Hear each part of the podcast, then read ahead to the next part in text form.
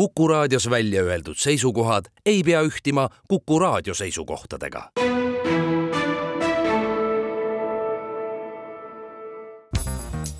järjejutt. Valerii Perron, pühapäevarüppe unustatud, kirjastuselt tänapäev. järjejutt. minu nimi on Justine Než. ma olen kahekümne ühe aastane ma olen kolm aastat töötanud Hortensia nimelises vanadekodus. ma olen seal hooldaja. tavaliselt kannavad vanadekodud puude nimesid, näiteks Pärna kodu või Kastani kodu, aga minu oma on ehitatud Hortensia põõsastele. nii et keegi ei hakanud puudele mõtlemagi, ehkki hoone paikneb metsa ääres.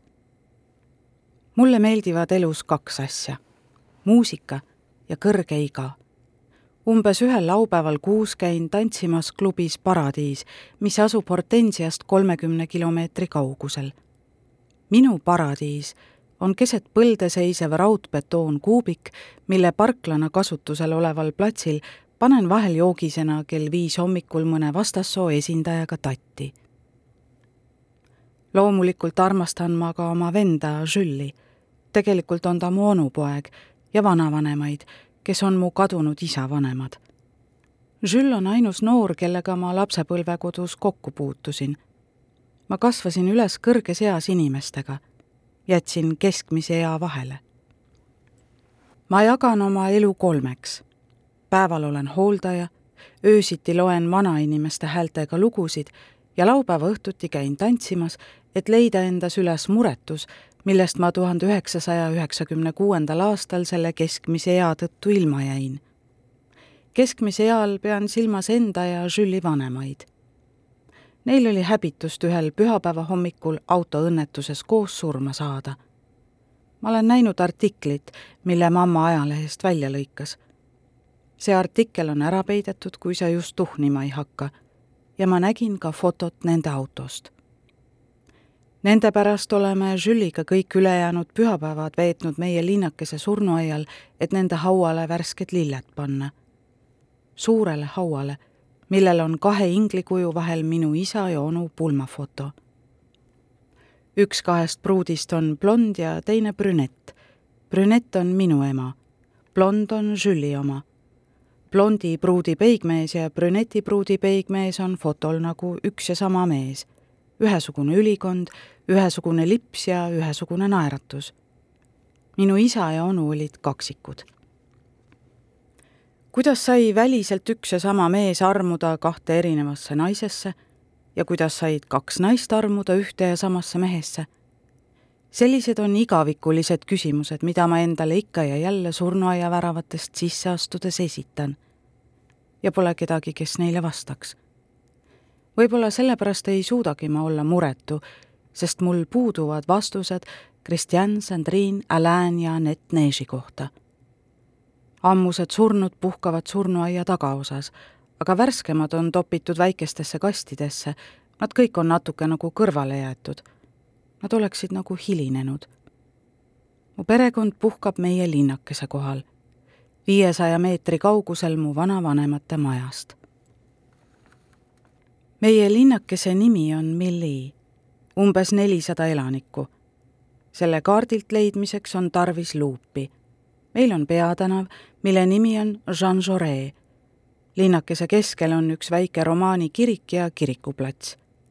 äridest on peale isa Prosti poe meil veel kihlveokontor, autotöökoda ja juuksurisalong, mis sulges eelmisel aastal uksed, sest juuksuril oli hallide juuste värvimisest ja rullide keeramisest kõrini riide- ja lillepoodide asemele on tulnud pangakontorid ja üks meditsiinilabor. vahel on ka akendele kleebitud ajalehed või siis on inimesed sinna elama asunud ja pükste asemel on nüüd valged kardinad. müüjasilte on meil peaaegu sama palju kui maju. aga kuna lähima kiirteeni on üle seitsmekümne kilomeetri ja lähima raudteejaamani viiskümmend kilomeetrit, ei osta neid keegi. veel on meil algkool see, kus me Jüliga käisime. põhikooli, keskkooli, arsti juurde, apteeki või kingi ostma tuleb minna bussiga. alates juuksuri lahkumisest keeran ma ise mammale lokke. ta võtab köögis istet, juuksed märjad. ta ulatab mulle järjest rulle ja mina keerutan tema hallid salgud neile ümber ja torkan siis läbi rulli plastmassnõela, et see paigal püsiks. kui see on tehtud, sätin talle võrgu pähe ja kuivatan tema juuksed fööni all ära. Tema jääb viie minutiga tukkuma ja kui juuksed on kuivad, keerutan rullid lahti ja nädal aega on mureta. ma ei mäleta, et mul oleks kunagi külm olnud alates sellest ajast, kui mu vanemad surid. meil pole kunagi ka miinus neljakümmet kraadi ja ajast enne nende surma ei mäleta ma midagi. aga sellest räägin ma hiljem. kasvasime vennaga moest läinud, kuid mugavates riietes, mida pesti pesupehmendajaga. Ilma pepulaksude ja kõrvakiiludeta ning koos miksimispuldi ja vinüülidega, et võiksime keldris lärmi teha, kui meil vahatatud parketil libisevate susside sahinast kõrini sai. ma oleksin väga tahtnud kaua üleval olla, mustade küünealustega ringi käia hulkuda tühermaadel, kus põlvi marrastada ning jalgrattal kinnisilmi küngastest alla kihutada. oleksin väga tahtnud haiget saada või voodisse pissida, aga vanaemaga oli see võimatu. tal on antiseptik alati käepärast olnud. peale selle, et ta puhastas terve lapsepõlve vatitikuga meie kõrvaõõnsusi, pesi meid kaks korda päevas pesukindaga ja keelas meile ära kõik, mis võiks ohtlik olla, näiteks üksi üle tee minemine siis ma arvan, et mamma ootas alates oma kaksikute surmast seda, et mina või Jules hakkaksime lõpuks oma isade moodi minema. ent seda ei juhtunud. Jules on Aneti nägu, aga mina ei ole kellegi moodi. minu armastus vanainimeste vastu sai alguse siis, kui meie prantsuse keele õpetaja Petit viis kogu viienda klassi ühel pärastlõunal kolme kuuse hooldekodusse sel ajal ei olnud Millis veel hortensiat. me istusime pärast lõunasööki bussi ja sõitsime tunnikese. ma mäletan, et oksendasin kaks korda paberkotti. Kolmes kuuses ootasid vanakesed meid söögisaalis. seal lõhnas supi ja eetri järele. mul läks uuesti süda pahaks. kui me neid tervitasime, hoidsin ma nina kinni. lisaks olid nad teravad. Nende karvakasv oli täiesti käest ära olime klassiga ette valmistanud etteaste, pidime laulma APA lugu Kimmi, Kimmi, Kimmi. Meil olid valged sünteetilised kostüümid ja parukad, mille olime laenanud kooliteatrilt. pärast etteastet istusime koos lauda pannkooke sööma. ükski neist ei lasknud lahti pabersalvrätikust, mida nad kramplikult oma jääkülma rusikasse pigistasid. aga mulle sai kõik alguse just sealt. Nad jutustasid meile lugusid ja kuna vanainimestel pole enam midagi muud teha, siis lugude jutustamises ei ole neile vastast. Pole mõtet võrrelda neid raamatute või filmidega, neile pole vastast. tol päeval sain aru, et kui sa vanainimest lihtsalt puudutad, tal käest kinni võtad, siis ta hakkabki juba jutustama. nagu siis, kui uuristad rannal kuiva liiva sisse augu ja sõrmede alla ilmub lakkamatult vesi mul on Hortensias ka oma lemmiklugu. Tema nimi on Helen. Helen on proua toast number üheksateist. tema on ainus, kes mulle tõesti puhkust pakub ja kes on kursis eakate hooldaja argipäevaga, võib kinnitada, et see on tõeline luksus. töötajad kutsuvad teda daamiks rannal. kui ma seda tööd alustasin, öeldi mulle, tema veedab oma päevad rannas päikesevarju all ja tema saabudes asus hooldekodu katusele elama üks kajakas. Meie piirkonnas ei ole kajakaid. me asume Kesk-Prantsusmaal, musträstaid, varblasi, vareseid ja kuldnokkasid on küllaga, aga kajakaid mitte, välja arvatud see, kes meie pea kohal elab. Helen on meie ainus hoolealune, keda ma kutsun eesnimepidi igal hommikul sätime ta pärast hügieenitoiminguid akna vastu tugitooli ja ma võin vanduda, et ta ei vaata mitte milli katuseid, vaid midagi imekaunist, nagu mingit sinist naeratust. ometi on tema heledad silmad, nagu meie teistelgi hoolealustel luitunud voodilinade karva. sellegipoolest palun ma kehvadel päevadel, et elu tooks mulle samasuguse päevavarju nagu temal. tema päevavarju nimi on Lucien, tema abikaasa. tegelikult tema peaaegu abikaasa, sest nad ei abiellunud kunagi Helen on mulle terve oma elu ära jutustanud. Kõigest ainult läbisegi, nagu oleks ta kinkinud mulle oma kodu kõige kaunima eseme, mille ta on enne kogemata tuhandeks killuks lõhkunud. viimastel kuudel räägib ta vähem, nagu hakkaks plaat tema elulauluga lõpule jõudma ja heli vaibuma iga kord, kui hakkan tema toast ära tulema, sätin ta jalad teki alla ja ta ütleb mulle. ma saan kuuma rabanduse. Helenil ei ole kunagi külm. Isegi keset talve mõnuleb ta päikese käes, samal ajal kui meie tagumikke vastu hortensia logisevaid radiaatoreid surume. Heleni lähedastest olen kohanud ainult tema tütart Roosi. Roos maalib ja joonistab. ta on teinud palju söeportreesid oma vanematest joonistanud merd, sadamaid, aedasid ja lillekimpe. Helenil on terve sein neid täis. Roos elab Pariisis. Igal neljapäeval saabub ta rongiga jaama ja rendib sealt auto, et Millisse sõita. igal külaskäigul kordub sama. Helen vaatab teda eemalt, sealt, kus ta paistab nüüdseks elavat. kes teie olete? see olen mina, ema. ma ei mõista, proua. ema, see olen mina, Roos ei saa olla. minu tütar on alles seitsmene, ta läks isaga ujuma. ah nii, või ta läks ujuma? jaa, oma isaga. ja kas sa oskad öelda, millal nad tagasi jõuavad? varsti, ma ootangi neid. seejärel avab Roos romaani ja loeb sealt emale lõike ette. tihti on need armastusromaanid. kui ta on raamatu läbi saanud, jätab ta need mulle see on tema viis mind tänada. tänada mind selle eest, et ma hoolitsen tema ema eest, nagu oleks ta minu enda oma. Oma elu kõige hullumeelsema peatüki avasin ma eelmisel neljapäeval kella viieteistkümne paiku. tegin toa number üheksateist ukse lahti ja nägin teda Heleni tugitooli juures istumas. seintel olid Luciani portreed. see oli tema. vahtisin teda nagu pooletoobine ma ei julgenud liigutadagi. Lucien hoidis Heleni kätt. Helenil oli peas selline nägu, millist ma ei olnud varem näinud. nagu oleks ta just teada saanud midagi uskumatut. mees naeratas mulle ja ütles. tere, kas teie olete Justine? mõtlesin, et näe, Lucien teab mu nime. ilmselt on see normaalne. eks vaimud teavad ikka elavate nimesid Nad teavad tõenäoliselt igasuguseid asju, mida meie ei tea. Ja eelkõige mõtlesin ma, ma mõistan, miks see len teda rannas ootas. ma mõistan, miks see len aja seisma pani. kõik võib ühe hetkega selgeks saada. selline kutt paneb mõtlema, et sedasorti kingituse teeb elu küll üksainus kord. räägi mulle üks lugu. ma arvasin, et sulle ei meeldi mu vanainimeste lood Jules krimpsutab nägu, võtab ühe mahvi ja puhub suitsu välja, tehes tapeedi taustal suitsurõngaid. ta laseb mulle parasjagu Ben Glocki lugu Sub-Zero ja räägib, et Ben Glock on Berliini klubi Berghaini resident DJ. mul on tihti tunne, nagu elaksin tulnukaga. kui ma leidsin töö Hortensias, pistis Jules kisama. see oli esimene kord, kui selline asi juhtus. meie kodus ei ole keegi kunagi karjunud välja arvatud televiisor.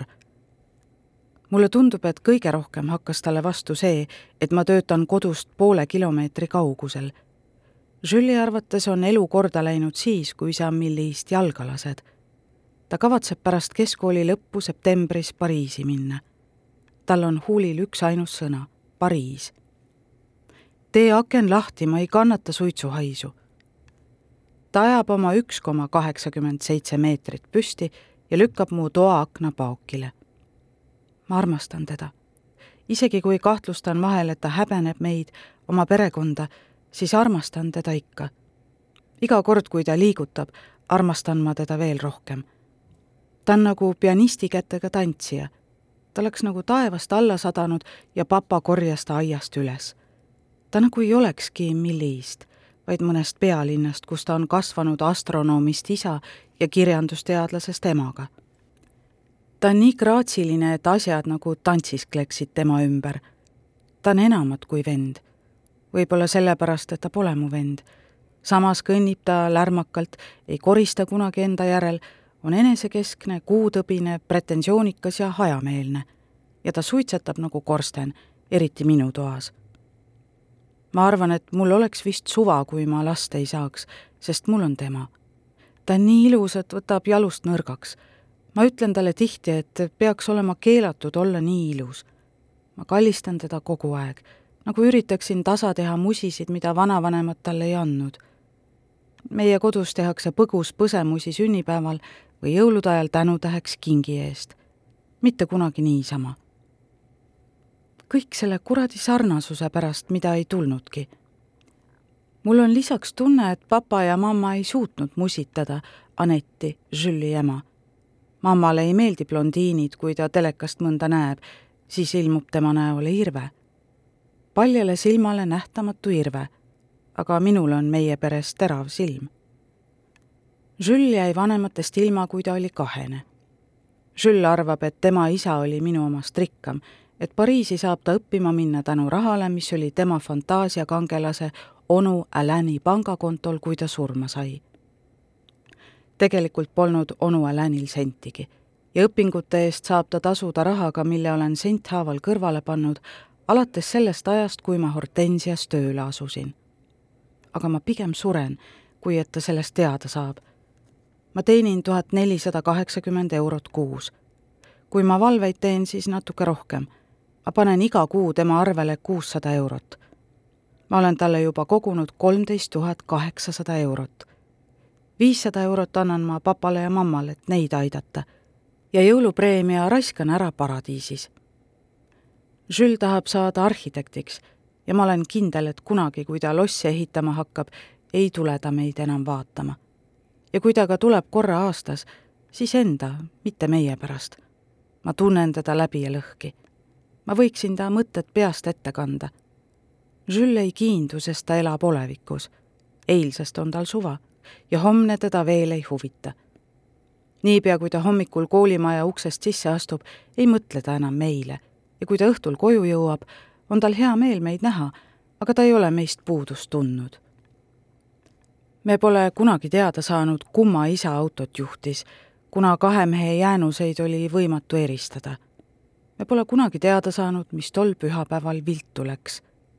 ja kuna neil oli üks auto, siis ei ole me kunagi teada saanud, kumma isa teise tappis Jules külitab jälle minu voodil ja vaatab mind, nagu tahaks öelda, lase tulla, räägi. nii ma räägin proua Epting otsustas Hortensiasse tulla siis, kui suri tema väike koer, sest ta tundis sel päeval, et enam ei hakka temast kunagi millekski asja olema. ta ütles mulle, et on näinud elu kõiki värve, et ta on kogenud sõda, puudust, hirmu natside ees ja isegi armuvalu. kuid tema koerakese surm oli liig. koera nimi oli Van Gogh, sest tema eelmised omanikud olid tal tätoveeringu varjamiseks kõrva ära lõiganud. värdjad ütles Jules sigareti süüdates. see on tänase päeva lugu. juba läbi, küsib ta. ei, mitte päris. ma küsisin temalt, kas räägite mulle oma armuvalust, proua Epting? Ta hakkas selle peale nii kõvasti naerma, et pidi pöidlaga proteese kinni hoidma. tema nimi oli Michelle.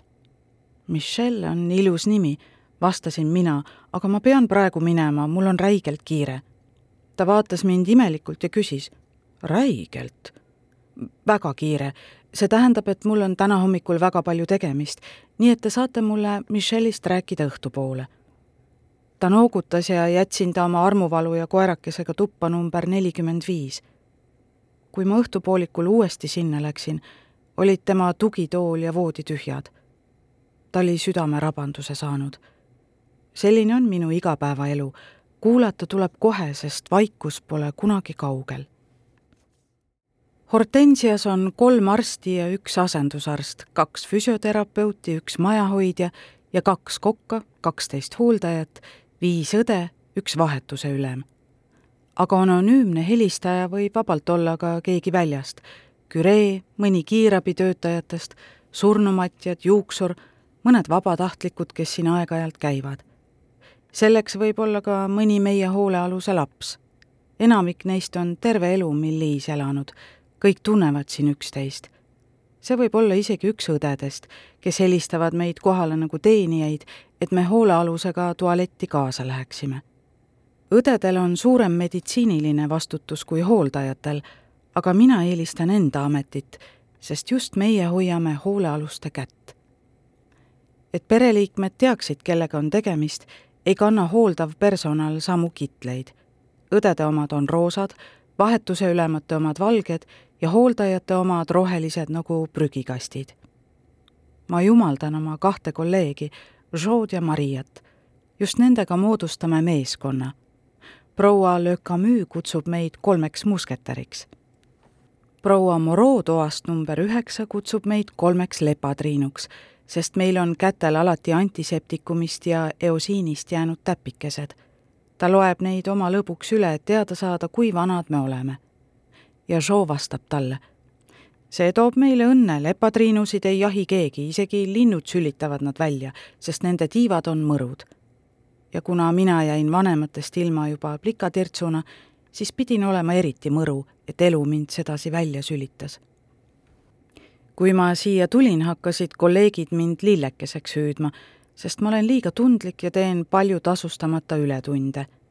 Kui Jo nägi, kuidas ma esimestel aastatel nutsin iga kord, kui mõni hoolealune suri, ütles ta mulle, hoia pisarad enda lähedastele, sest nende pärast ei nuta keegi. ja mina mõtlesin, et olen enda lähedaste pärast ammu kõik pisarad ära nutnud.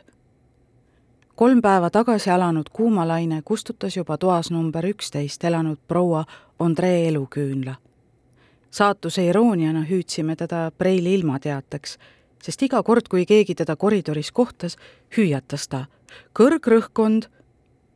kui alatu on elu. ma poleks eales arvanud, et tema viib kaasa kuumalaine. tema lapsed saabusid täna hommikul, liiga hilja. Nad ei jõudnud temaga hüvasti jätta, aga see pole nende süü minu arvates saavutavad vanainimesed mingil hetkel nii suure edumaa, Nad võtavad ette sprinte, millega ei suuda keegi enam sammu pidada.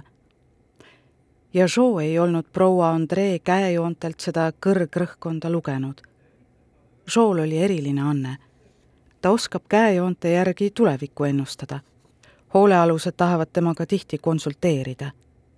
Jo sõnul on vanainimeste käejoonte järgi võimatu tulevikku ennustada. Nende kätel on sama palju vagusid nagu vanal vinüülplaadil, nii et ta fantaseerib kogu see folkloor, minu massaažid, Joe tulevikuennustused, õnnistussõnad Küreelt, kes kuulutab igaühele nautige, nautige elu, ei vähenda meie vanakeste soovi koju ära minna. Nad põgenevad tihti, aga meil ei ole õigust väravaid kinni panna, sest seda peetakse hoolealuste väärkohtlemiseks, nende vangistamiseks. vanakesed põgenevad, aga nad ei tea, kuhu minna Nad on unustanud tagasitee, mis viiks neid edasi. Nende kodu pandi müüki, et katta hortensia igakuised kulud. Nende aiad on tühjad ja kassid ära antud. Nende kodu eksisteerib veel üksnes nende peas, nende isiklikus raamatukogus, neis raamatukogudes, kus mulle meeldib veeta tunde. kahju hakkab mul siis, kui näen neid kell kümme hommikul retseptsiooni kogunemas ja ainiti vaatamas kahe uksega pea sissepääsu poole mis avaneb ja sulgub. Nad ootavad. Kui ilm on ilus, viime parki need, kes ise ei liigu, et nad saaksid pärnade päikesevarju nautida. kerge tuul puudes, mesilased, liblikad ja linnud sisustavad nende ootust. anname neile saia, et nad saaksid seda visata varblastele ja tuvidele. mõnele meeldib see väga, mõni kardab ja mõni lööb neid jalaga. siis tõuseb kisa ja sellal, kui nad üksteisega õiendavad, ei oota nad enam. olgu nad kodus või mujal, ilus ilm on ikka sarnane. Kui ma olen väsinud, siis lähen viimasele korrusele, istun toolile selg vastu klaasust, kust pääseb katusele. panen silmad kinni ja tukun kümme minutit. kui taevas on selge, kõrvetab päike mu kukalt ja ma jumaldan seda. kajakas tõuseb tihti lendu ja vaatab mind taevast kui ma tööpostile tagasi lähen, ei tea ma, kas on hommik, pärastlõuna või õhtu. ma ei tee ületunde, vaid tunde, kui ma ei taha koju minna. Ma ei taha näha, kuidas papa niisama vahib, sest tema silmis on kogu aeg talv. ma ei taha näha, kuidas mamma minu näolt mu isa jooni otsib. ma ei taha taguda Jülli toa uksele, sest ta on sulgunud oma maailma, mängib internetis või passib beatboardis, kust saab elektroonilist muusikat alla laadida. võtan selle asemel Helenil tema toetavad sukad jalast ning masseerin ta sääri ja labajalgu. ta räägib mulle pikast blondiinist, kes istub tema kõrval ja kellel on seljas trikoo ja kes on end juusteni Monoi õliga kokku määrinud. kuumalaine on möödas. see kestis kuus päeva. ma olen läbi. kutu. ma ei loe niigi tunde, aga selliste kriiside korral ei loe tunnid enam meid ka. alustasin vahetust kell kaheksa. eelmisel ööl ma ei maganud, tantsisin paradiisis kella viieni. mul oli vajadus olla noor end täis juua, lolli mängida, ennast meikida, flirtida, kanda dekolteed, silmad kinni panna ja tantsida. panna end uskuma, et ma olen ilus. alates eelmise aasta sügisest lõpetan ööd tihti sama inimese kaisus. see on üks minust vanem tüüp, umbes kakskümmend seitse ja tema nimi on, ma ei mäleta enam. vahepeal on mul teisi ühe öö suhteid, aga tema kipub korduma. ta ilmutab end umbes kaks korda kuus pühapäev on külastuspäev, mitte kõigile. nii et jõin viis tassi kohvi, et suudaksin hoolitseda nende eest, keda ei külastata. pühapäevale tuleb läheneda ettevaatlikult. see on tulvil kurbust. siin võiks ju arvata, et iga päev on pühapäev, aga midagi pole teha. see on nagu bioloogiline kell, igal pühapäeval teavad vanakesed, et on pühapäev pärast hügieenitoiminguid tuleb jumalateenistuse teleülekanne ja kobeda meine. avokaado krevettidega on nüüd mereüllatus majoneesis ja šokolaadiekleerid magushõrgutis täidisega. umbes sama lugu on igapäevase köögiviljapüreesupiga. sellele on iga päev uus nimetus, ehkki tegemist on lihtsalt sooja lurriga. esmaspäeval on selle vedeliku nimi hooajaline supp kolmapäeval kodune püreesupp ja reedel köögiviljaleem. hoolealused jumaldavad, kui neil on nädala menüü. see on nende aardekaart. kui Saone Loire'i ajalehe surmakuulutused välja arvata, on see ainus lektüür, mis neid veel huvitab. pühapäeva lõuna ajal aitab aperitiiv peale veini hommikupooliku ära seedida. aga me peame jälgima, et keegi neist kellegi teise klaasi pihta ei pane muidu kukuvad nad kiiresti üksteist sõimama, kui päris kallale ei lähe. söögisaal on nagu koolihoov, kus paljud hoolealused lahendavad probleeme teisi lüües. isegi mina olen mõne hoobi saanud. pühapäeva lõuna ajal võtame kolleegidega kasutusele ka valged salvrätid ja jalaga klaasid, nagu restoranis pärast lõunasööki lähevad mõned tagasi oma tuppa, kas pärastlõunaste külastuste või Michel Trückeeri pärast teisi hoiame mängusaalis tegevuses kõigega, mida leidub. väiksed etendused, karaoke, loto, kaardimängud, filminäitamised, oleneb. mulle meeldib väga näidata neile Chaplini filme, need ajavad vanakesi naerma. mulle meeldib ka õhutada neid laulma lugu Le Petit Bal Perdu kahe kõlariga ühendatud mikrofoni. see on nende lemmiklugu. mikrofon käib käest kätte. vahel me isegi tantsime see pole just dirty dancing, aga südamega ollakse asja juures ikka. sel pärastlõunal kutsusime külla mustkunstniku. meil käib üks ja sama mustkunstnik, üks vabatahtlik poiss, kes elab minu kandis ja tassib kaasa tervet karja turteltuvisid ja kodujäneseid, nagu oleksid need võtmekimp. trikid lähevad tal peaaegu alati sassi, sest ta on liiga kohmakas, nii et kõik on sama ilmne nagu nina keset nägu aga pühapäevarüppe unustatutele on imeline ainuüksi see, kui kübarast tuleb välja mõni turteltuvi või jänes, see kergendab nende selle päeva koormat. kella kahe paiku tundsin selja tagant kummituse sinist pilku. sättisin just hoolealuseid mustkunsti etteastet vaatama. kuulsin tema teretust. üks turteltuvi pääses poisi varrukast lendu. ta seisis minu selja taha ta naeratas mulle. ta naeratas mulle. ta naeratas mulle. ta naeratas mulle. tal oli raamat käes.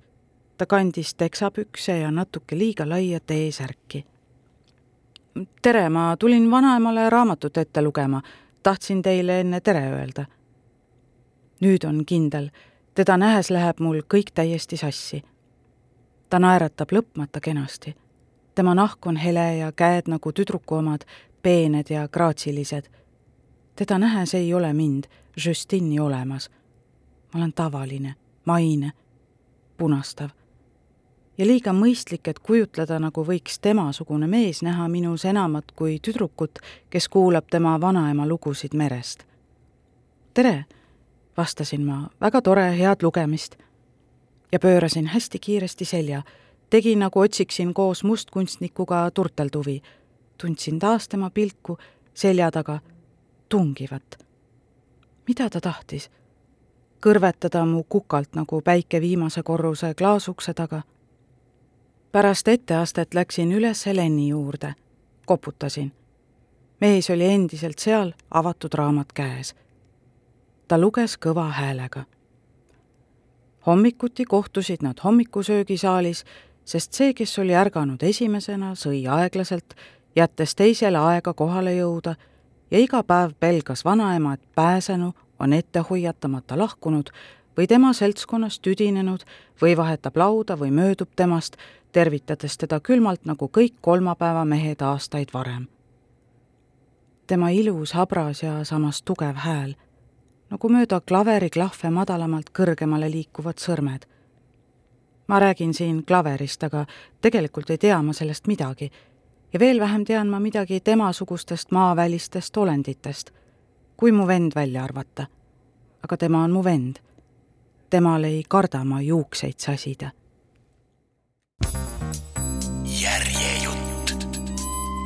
Valerii Perron, pühapäevarüppe unustatud, kirjastuselt tänapäev. järjejutt